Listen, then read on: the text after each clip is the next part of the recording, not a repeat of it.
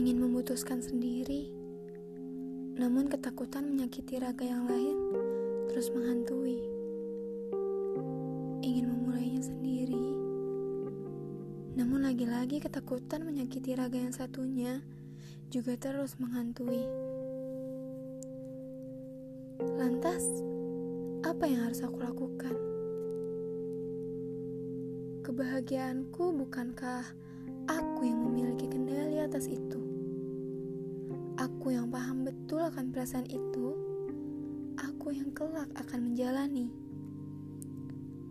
Lalu mengapa menjadi beban pada yang lainnya? Keegoisan atas dasar apa jika beralasan menyayangi demi kebahagiaan itu sendiri? Aku tidak pernah percaya dengan omong kosong itu. Bagiku, memilih dan berpegang pada keputusan yang aku ambil sendiri, entah bahagia atau tidak pada akhirnya, tetap selalu mau menerima kembali. Bukankah itu yang sebenarnya menyayangi? Lalu apa?